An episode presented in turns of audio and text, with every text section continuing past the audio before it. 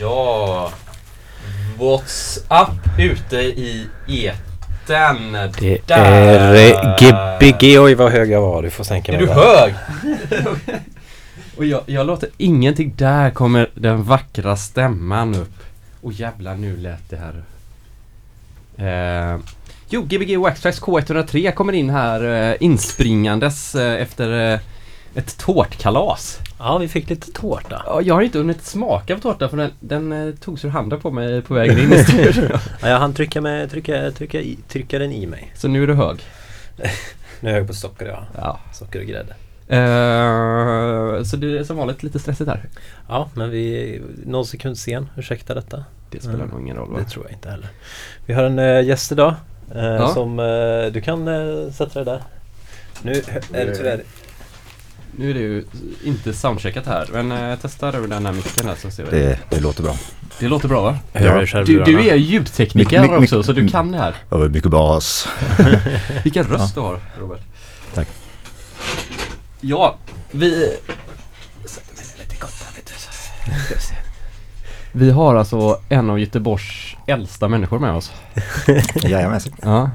Eller äldsta... Äldsta i gamet. I G- Snarare, nej det är du absolut inte. Du, det är ju många som är eh, många år eller. Men det är ju inte därför du är här, utan för att du är så bra DJ. Ja, precis. Och att du har en så rolig repertoar bakom dig. Jag, jag länkade din disk också idag istället för din Soundcloud. För tyckte Ja. det var coolare. Ja, det, länkarna finns i Soundcloud där också tror jag. Från Dix och Disco. det är så mycket godare att sitta och lyssna på låtar Ja, ja, det gäller att hitta runt där. Det finns lite olika Ja. alias och så vidare. Ja. Vilket, vilket är ditt största alias? Ja, det har ju alltid varit det source, source-varianter på The Source Experience, eller Source, som det var tidigare sen. The Source Experience, det har ju alltid varit den som jag haft mest släpp på. Robert Det- Leine var väl mer förknippat med eh, de lite lugnare och ambient-grejerna innan tidigare. Ja okej. Fast på senare tid så har jag ju släppt eh, andra saker under mitt vanliga namn också naturligtvis. Det, men det finns kvar, The Source Experience. Det finns kvar. De senaste släppen var väl Mm. på H-production, där Kalle skivbolag som har släppt lite grejer på men det ska väl komma lite mer i framtiden också i tanken. Vet du det, du sa att du la till The Experience. Ja, Experience, det hade inte Precis. jag med på min affisch där. nej, ja, grejen var väl det att jag hette ju bara Source, inte The Source. Men eh, historien var väl så här att det fanns en eh, engelsk grupp som hade en stor hit. Eh, Mm, som hette The. Source, precis. State. ja.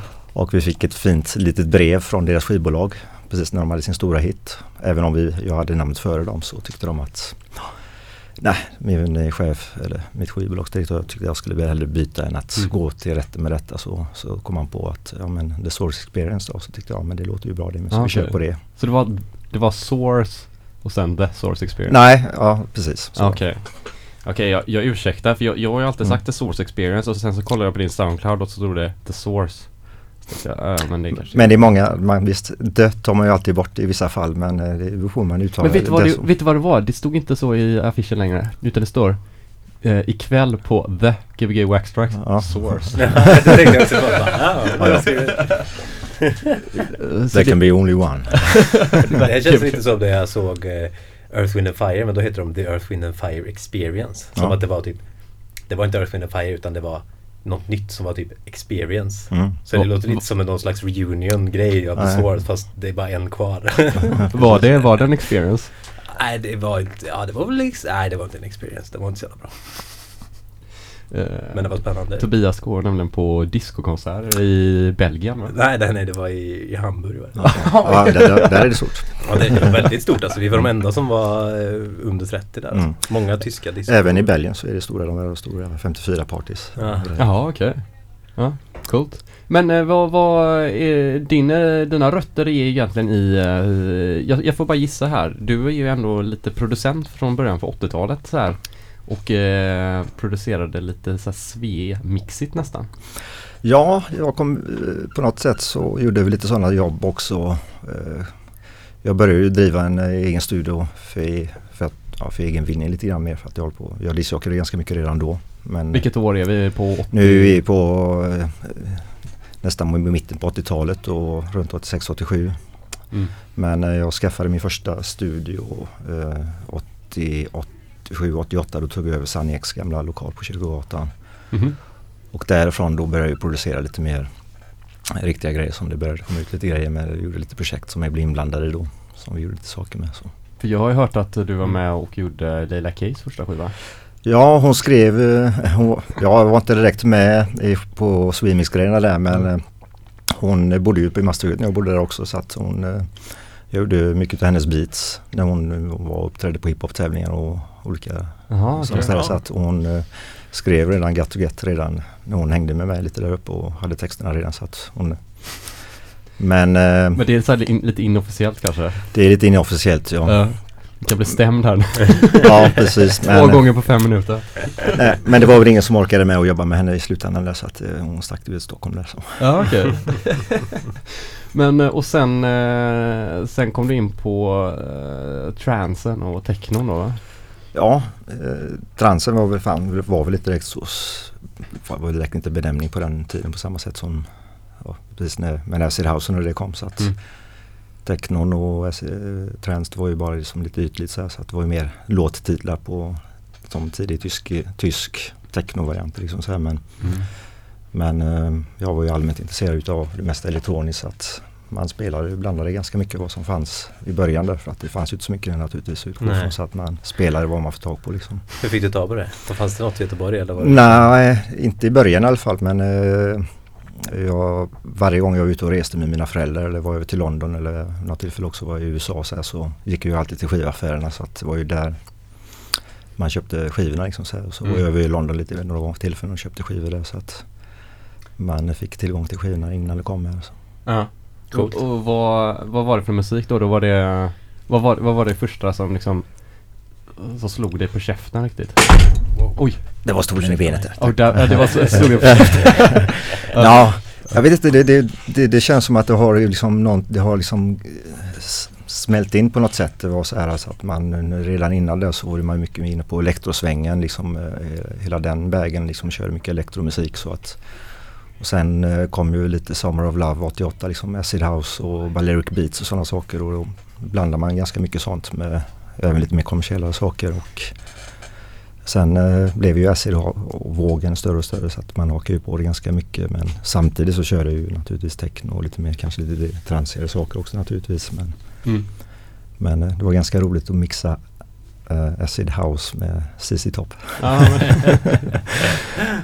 Ja, var, var, vilka, var det något så här eh, vem, vem var det liksom, eller vad var det som startade allting här i Göteborg då för dig? Eller var det någon sån här händelse eller var det någon? Eh... Ja det var ju, menar, vi som var ishockeys här i Göteborg vi hakade ju på ganska tidigt liksom så här så de de större discjockeys som var här, vi var ju väldigt så här musikintresserade så att man hakade ju på nya trender ganska fort så vi intresserade så här men eh, festerna i sig kom ju igång ganska tidigt också då.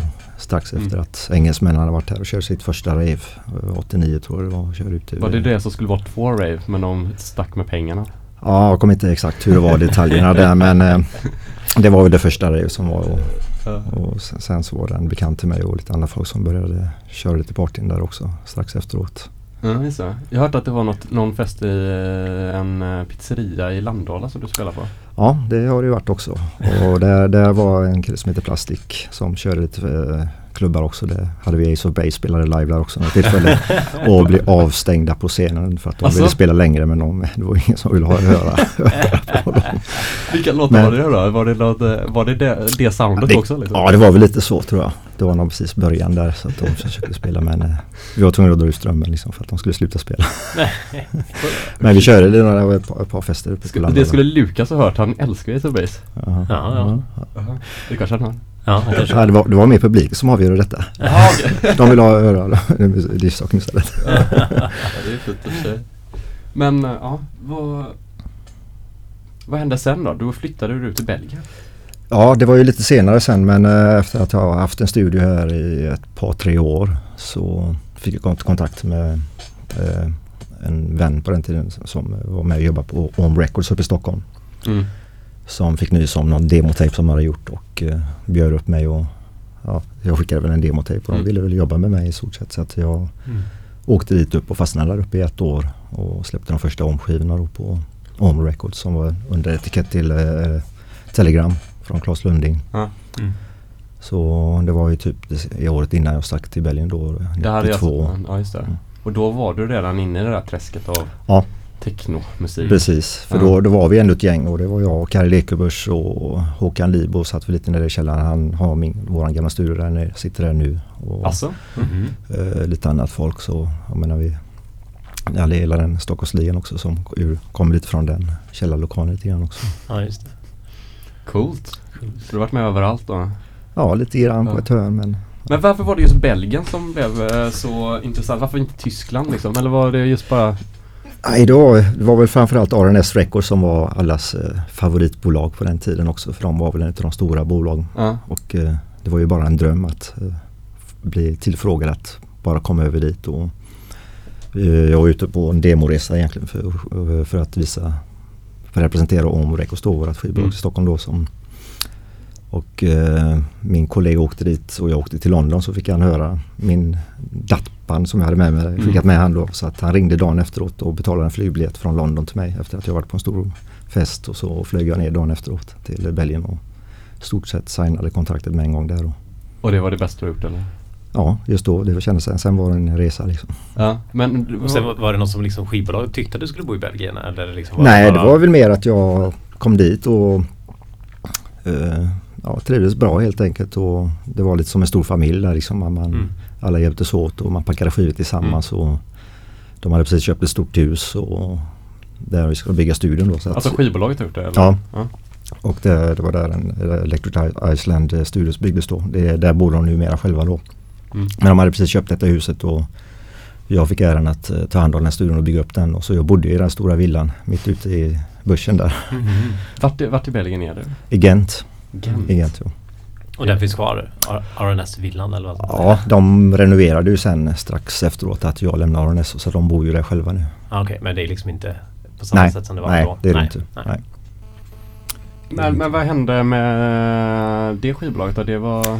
Nej, det blev de, eh, de ändrade lite inriktningar. De tröttnade väl på technogrejen liksom. Och Mm. För de, började väl inte som ett technobolag heller? Det var... Nej, de började väl, de var inne redan på Newbeat-tiden på 80-talet där som de Ja. började sina första grejer och det var mycket Newbeat-grejer och så. Eh, Ja men de var rätt kommersiella redan. Eller så här, på den Ja, tiden var de väl nästan De har ju haft massa sublablar alltså, Ja. och så det massa underetiketter och grejer så de har ju haft massa men uh, Newbeat-perioden var lite Drop the Deal, Code 91 tror jag var deras första hit. Jaha.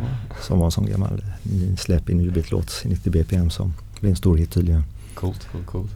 Och det kunde de köpa ett hus för. Och ge till Robert Leijner. Ja, ja, precis. Nej, jag, jag fick bara bo där i en soffa. jag, bodde, jag bodde i studion hela tiden och Ja, då, om man- om man, om man kollat på din Facebook så har du helt eh, fantastiska bilder på stora modulsystem och grejer. Ja. Och, så, och, och det har hängt med hela tiden va? Ja, det har ju alltid varit eh, passion av synthesizer och modulsystem, eller ja, synthesizer, elektronisk musik. Var det därför du skrattade åt att jag hade köpt en EMU Vintage Keys idag då? Nej, det är väl inget att skratta åt. Vi, vi gillar emulator, även om det är rompler.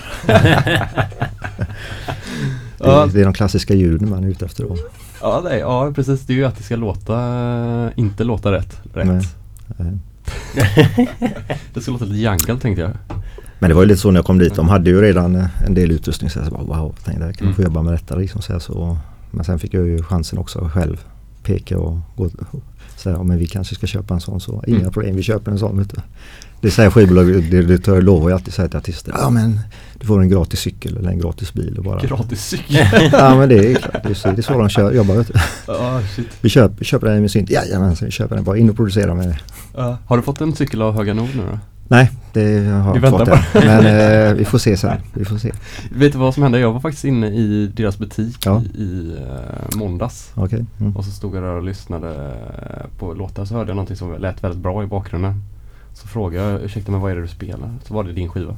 Ja, det var Alltså då hörde jag bara så här, du vet igenom och så bara shit, det här svänger faktiskt. Det var för Och ändå hade du fått skivan redan Ja, jag så, innan jag var bara, på så han bara, det är den här. Så bara, nej den har jag där. Mm. Vad är det för skiva? Är det en ny skiva? Nej? Ja, det är väl nästa släpp på Höga Nord Ah, okej. som jag har släppt nu som, eh, under mitt eget namn då, Robert Leijner. Som, eh, som precis kommit ut. Som är en mogen Mm. Robert Leijner med rocktrummor och grejer. Ja, det är, det är både lite en retroaktigt och lite blandning av technorock. Ja, lite, ja vad, vad kallar man det? Typ lite stoner-rock nästan. Fast Ja, med, lite så. Lite ja, progressive eh, Ja, det är intressant. psyk. Är det för att du är i den här studion nu med, för du sitter ju i, på en fin studio i på Hisingen.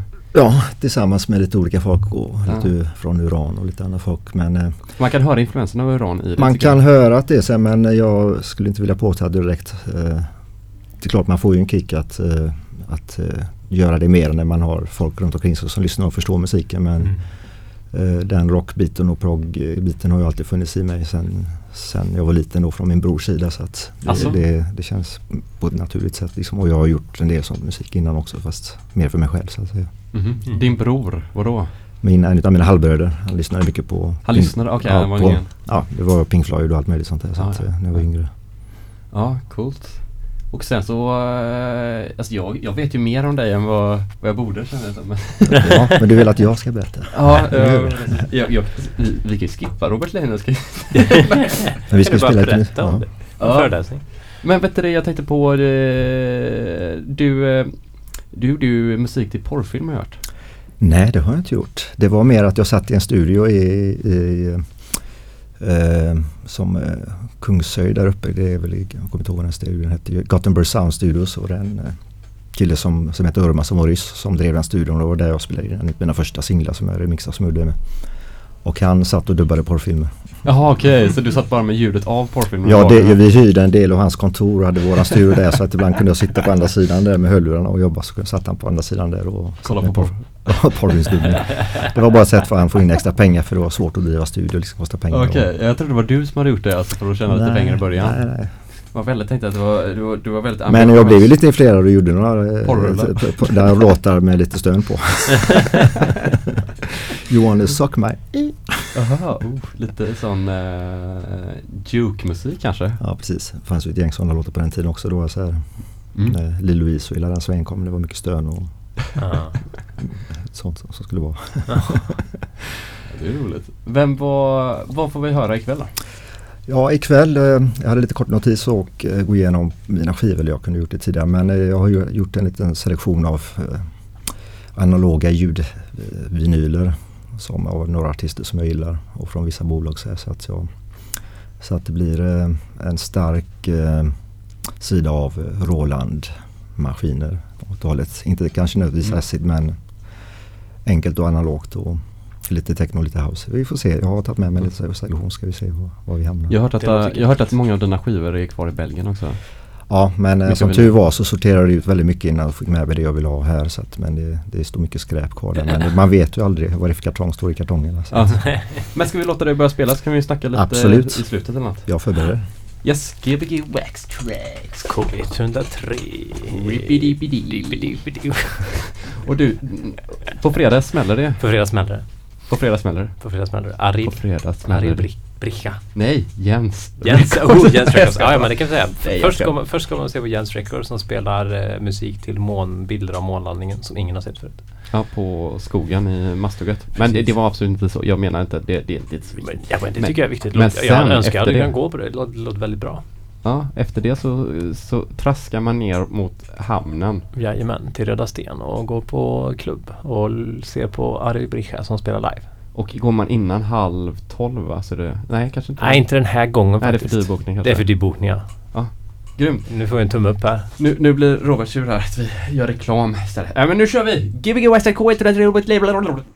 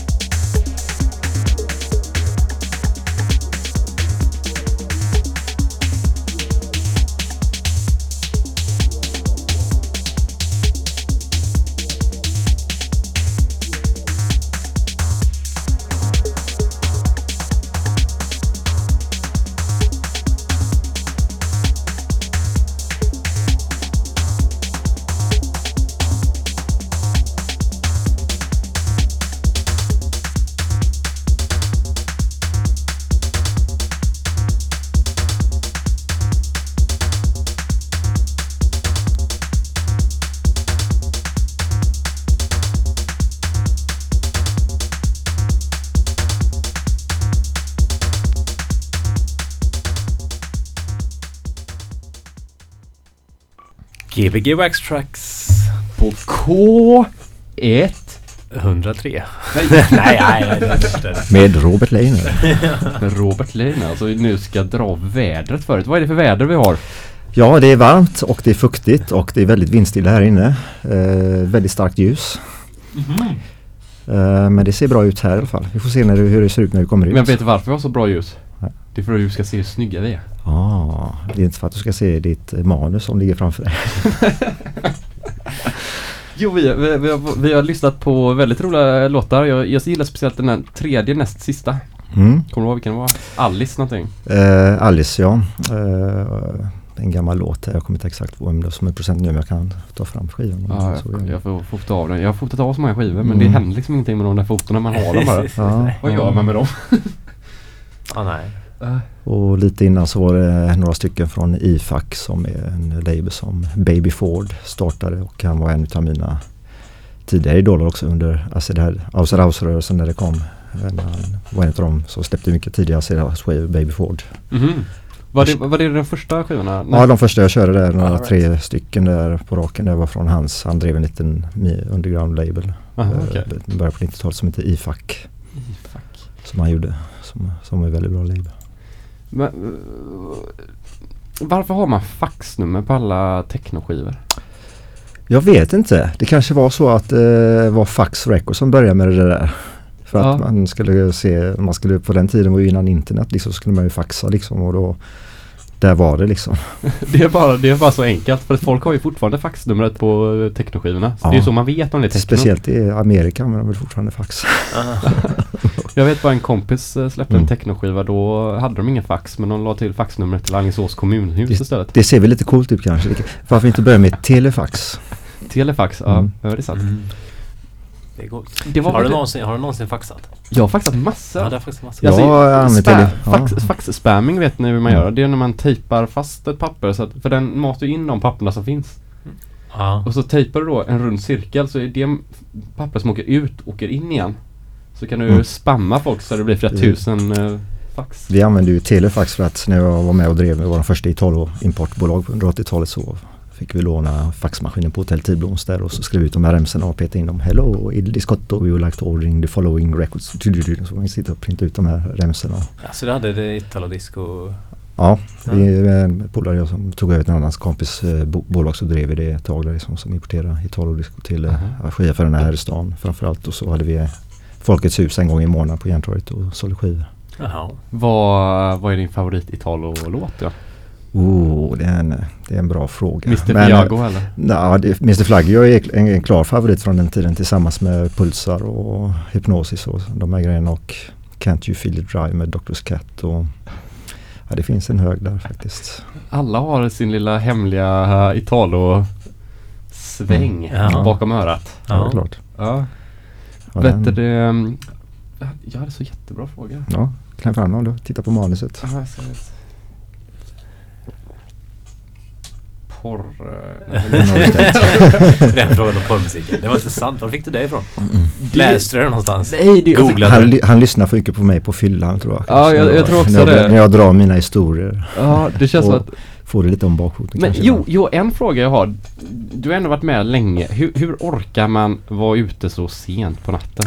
Jag vet inte men på något sätt så verkar jag ha blivit lite av en, eh, en eh, nattuggla eller en, en, en, som en fladdermus kanske lite grann att kroppen har väl ställts om men jag känns, jag, det känns lite som jag alltid varit en liten nattmänniska. Mm. Men framförallt när jag sitter och jobbar och så, så med- i studion och någonting så känns det lugnare. Det är mindre stressigt och det är mer mysterium, mystiskt att sitta och jobba på natten när det är Mm. Ja, stan ligger och sover. Och jobbar mycket på natten när du gör musik. Ja det blir ju så. Man kanske börjar på, det beror på lite om man jobbar på annars. Men annars kanske börjar på dagen. Jag gillar att börja komma igång på kvällen och så jobba på natten när man är kreativ. Men ska jag sitta och mixa och så så blir det mer, på dagen när man är Mm. nyvaken och fräscha öron och så här. Så att, Mm. men att vara kreativ så är det mer under de mörka timmarna som det känns mer, Mhm. mer avslappnat. Att det är inga störande element. Men det har alltid varit så? Du har alltid varit en nattmänniska? Ja, det har på något sätt varit så. Men Mm. kroppen har väl med all, efter alla åren så blir man väl lite omställd. Så att jag har ju fortfarande problem med att gå till jobbet idag. Så, men, Men du går väl till jobbet sjukt sent? Ja, jag börjar ju efter lunch så jag är ju tacksam att jag kan Du har ändå svårt för det. Ja, men det är väl lite, man kan väl ställa om sig men jag, jag trivs med att ha det så. Hur, hur kommer det sig att, ehm, eller nej hur kommer det sig, men eh, du bodde ju i Belgien väldigt länge. I typ tio år va? Ja, en åtta år i alla fall år. kanske. Mm. Men, eh, Så typ när flyttade du hem till Göteborg? två, runt 2000 kom jag tillbaka efter att eh, bott i Belgien eh, lite mer än ett år efter att jag lämnade skivbolaget då. Så, eller ja, två år efter att jag lämnade så bor jag ändå kvar i Belgien. Ja. Och tills jag både av familjära skäl och ekonomiska problem så, här, så att jag flyttade, tänkte jag om jag får flytta hem Mm. helt enkelt. Och, Det var inget du ville egentligen då? nej, jag, egentligen inte. Jag kände ju liksom att man var ju på gång ute i Europa. Man hade allting framför sig och allting Mm. var väldigt nära sig. Men sen, samtidigt så var det lite familj, familjära angelägenheter också som gjorde att jag var tvungen att vara hemma och styra upp en del saker. Så, att, så man Mm. följer ju bort lite från det där och att man lämnar sitt bolag så, här, så att det gjorde att man föll bort lite grann från hela man fortsätter inte med Mm. på svängen lite grann så man tappar ju lite där faktiskt.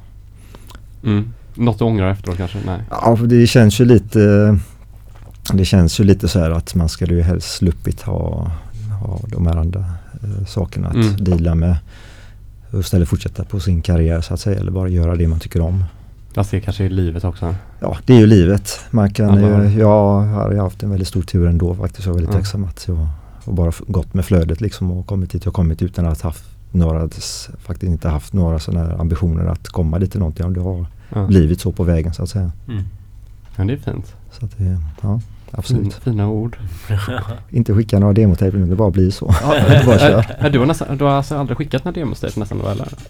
Nej, det har ju blivit eh, genom bekanta och vänner så här. De kanske har fått någon demo så här. Men jag har aldrig skickat till bolag så här direkt. Jag har lyssnat på det här. eh, Kan jag få komma på era label? Nej, det har Mm. det inte, nej, inte direkt. Hur köpte man eh, skivor utomlands för? Hur, hur, fick man, hur hörde man låtarna undrar jag?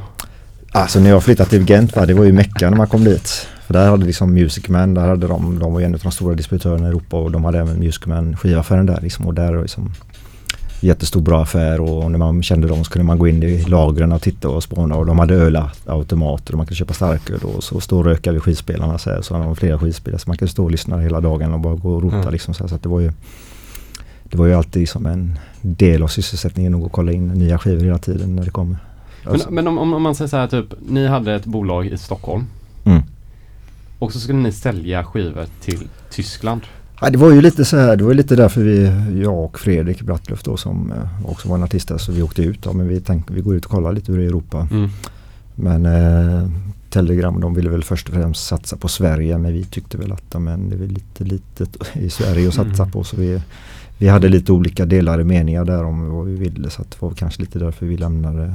Mm. Och de la ju ner bolaget så fort vi lämnade för att de var så beroende av både mig och Fredrik. Så att, Jaha, vad tråkigt. så att det kändes, ah, okej. ja, ja, hur Vad, gör, vad, vad gör de nu då? Ja, Telegram finns ju kvar och Ja. ja. Claes Lunding, Lunding kör ju på, eller jag vet inte om han är inblandad med det, men Telegram ju- var ju ett mycket större bolag som haft eh, flera underetiketter då. Så att de, Men det var lite de, synt och så då från början? Ja, Om Records var ju bara våra grejer som eh, vi körde Ja. där men sen eh, på Telegram har ju varit allt från Orup till, eh, till Ja. Tio. Just det, just det, Mm. Coolt. Hur eh, kom du in i musiken? Hur, har du lärt dig någonting någonsin? nej, jag, vet, jag är väl självlärd men eh, min brorsa, min, en av mina halvbröder var ju, spelade ju band så här också och spelade bas och trummor och Mm. keyboard så här också. Så att, men smygspela på farmors piano, flygel när man var lite mindre så här. Och, Flygel? Ja, Hade hon en flygel? hon hade en flygel också. Hur kunde hon ha en flygel? Ja, hon hade en flygel. Så du har sån fin släkt alltså? Det Ja, min farmor hade det fall. Jag vet inte var den kom från. Men jag brukar sitta där och smygspela nu och hälsa på min farmor. Så sätt och sätt och, men eh, det var inte bara att man spelade på tangenter utan man skulle slå på strängarna och hitta nya, Nya sätt nya att sätt och Mm. få nya ljud. Så. Utforska ljudet. Ja, precis. Att för någonstans har det känt naturligt att man bara experimenterar och lär sig själv hur det Mm. Jag har varit hemma hos dig en gång och då visade du, det första du visade var en stor kruka. Ja, den var väldigt mycket sch- schyssta basljud i. Så här, så här, du har världens coolaste studio med hur mycket grejer som helst. Och så bara, nej men kom med här in till vardagsrummet, det är en jättestor kruka man kan låta. Ja, stoppa blir- ner en mick där och så får du mycket schyssta bastrummor liksom. Det kan vara kul att sampla grejer. Men jag tyckte det sa rätt mycket om eh, Mm. Akustiska ljud är också Ja men nörderiet liksom. Ja. Alltså, Ja. alltså att man faktiskt tänker på det. Det var ju tiden. lite så när man fick sin första Mirage-sampler på den tiden. När det var dyrt med en sampler så var man ju så här Wow, man, nu ska vi sampla allt möjligt liksom. Ja. Mm. Och Då letar man runt kanske också. eller? ja, du vet man samplar ju allt möjligt. Det klassiska krossa glas och, och metall och allt möjligt. Det klassiska ljudet men sen experimenterade jag naturligtvis. Och, och sen gick jag över till att sno från mycket vinyl och så här, gamla rare grooves och breaks och allt Mm. möjligt. Mm. Att, eh, man jobbade ju, hiphop-artisterna kom ju till en i stan så jag ville att man ska göra beats och så här, så att det var ju lite på, man gjorde med en del sånt också med sin sampler och Mm. Mirage alltså. Mirage var den som jag delade med en polare sen. Mm. Du har ju en Fairlight vet jag också. Jag har en Fairlight ja. Oj, är det sant? Ja, den fick jag råd att köpa efter att ha bott i Berlin ett tag. Där. Ja, det är en konstig grej att köpa. Du måste ha köpt den på 90-talet då? eller? Ja, det var ju en sån här pojkdröm. Ja, jag köpte den faktiskt 94 tror jag. Köpte den. Och fick höra om detta om Ferrari-distributören i Belgien som hade den till salu. Så var det alla som möjligt före och så bara nej fan. Och så ringde han tillbaka och sa ah, men han har dragit ur sig. Så bara, Ja. jag kom, åkte dit med en gång ringde en polare och ah, vi måste åka dit och köpa den. För folk som inte vet så är du världens första sampler va? Det är inte världens första sampler då. Mm. Detta Om- är andra modellen. Alltså med är jag- datastyrd då också. Så Mm. att Det är helt datastyr och ljusspänna och Mm. operativstyr. De uppdateras fortfarande i dagsläget med nya komponenter och SD-diskar Den är från Australien också. Australien ja. Ja. Det var hiskelig, ja, I dagsläget är den Ja. hiskelig dyr. Är den det? Det är den inte det? Om man ska Ja, du, kanske, du kan köpa en ny en, kopi, en variant, en Ja. digital, digital variant av den. Men det, det, det, det hamnar mellan två och en halv mille liksom. Ja. Det finns Den drar ruskigt mycket ström också. finns Alltså. ett väldigt fint YouTube-klipp när det, det är Quincy Jones och ehm, Herbie Hancock. Herbie Hancock, ja precis. Just det, han har den Det där. finns, ja, det finns ett jättefint. YouTube-klipp. Så den kan ni YouTubea. Herbie Hancock, Quincy Jones, Mm. Fairlight. Så Mm. eh, hittar ni när de spelar. Det var ju de och så. Peter Gabriel då framförallt som var de. Ja. En kollega till mig på mitt jobb, eh, hon eh, var formgivaren för Fairlight tror jag. Okej, Eller om hon ja. gjorde det grafiska typ för att sälja. Alltså hon är australiensiska. Mm, okej. Så jag sa det bara shit alltså vadå så du har koll på det? Så hon kände alla de där. Så hon bara jag kan skicka ett mail till dem och kolla. Ja, ja. Fast det är ju, ja. ja, de har ju Jag tror delat. hon själv förstod ju att de var lite eftertraktade de här grejerna fortfarande. Ja, det var ju lite så. De har Mm. sin charm och sitt Mm. sound också naturligtvis. Ja. Ja det var, Det är inte bara så att man, man vill ju använda grejerna. Är men de hade inte midi då heller? Så. Nej, det blev en tillsats sen så småningom. Ja. Men så fort MIDI dök upp så kunde du köpa ett extra interface då. Och då Mm. hade du massa portar och allt möjligt. Det, var, det var inte bara så att det ska, ska bara sätta på MIDI, det ska vara lyx-MIDI. Ja det är coolt, det är coolt. Eh, ja men du kanske ska fortsätta spela för det Ja, gärna. tid, tiden tar slut här. Tackar för mig. Fortsätt Ja, ställa i DIY-båset. Vi, vi, vi, vi, vi står bakom dig och pratar vidare. Kör på. Så får vi skriva det. Okej, Gbg Wax Tracks på K Ett. 100 3. Punkt. SE. SC. Punkt 1. Punkt 1.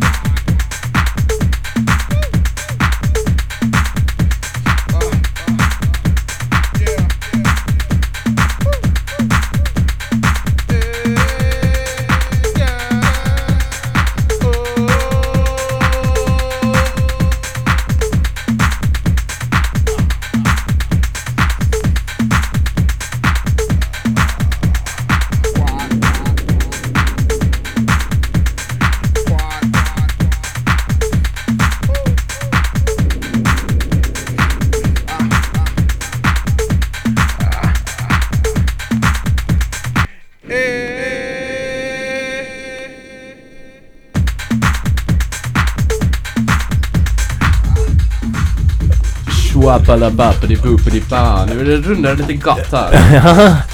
eh, Gbg Wax Tracks eh, lider mot sitt slut. Ja, det gör det.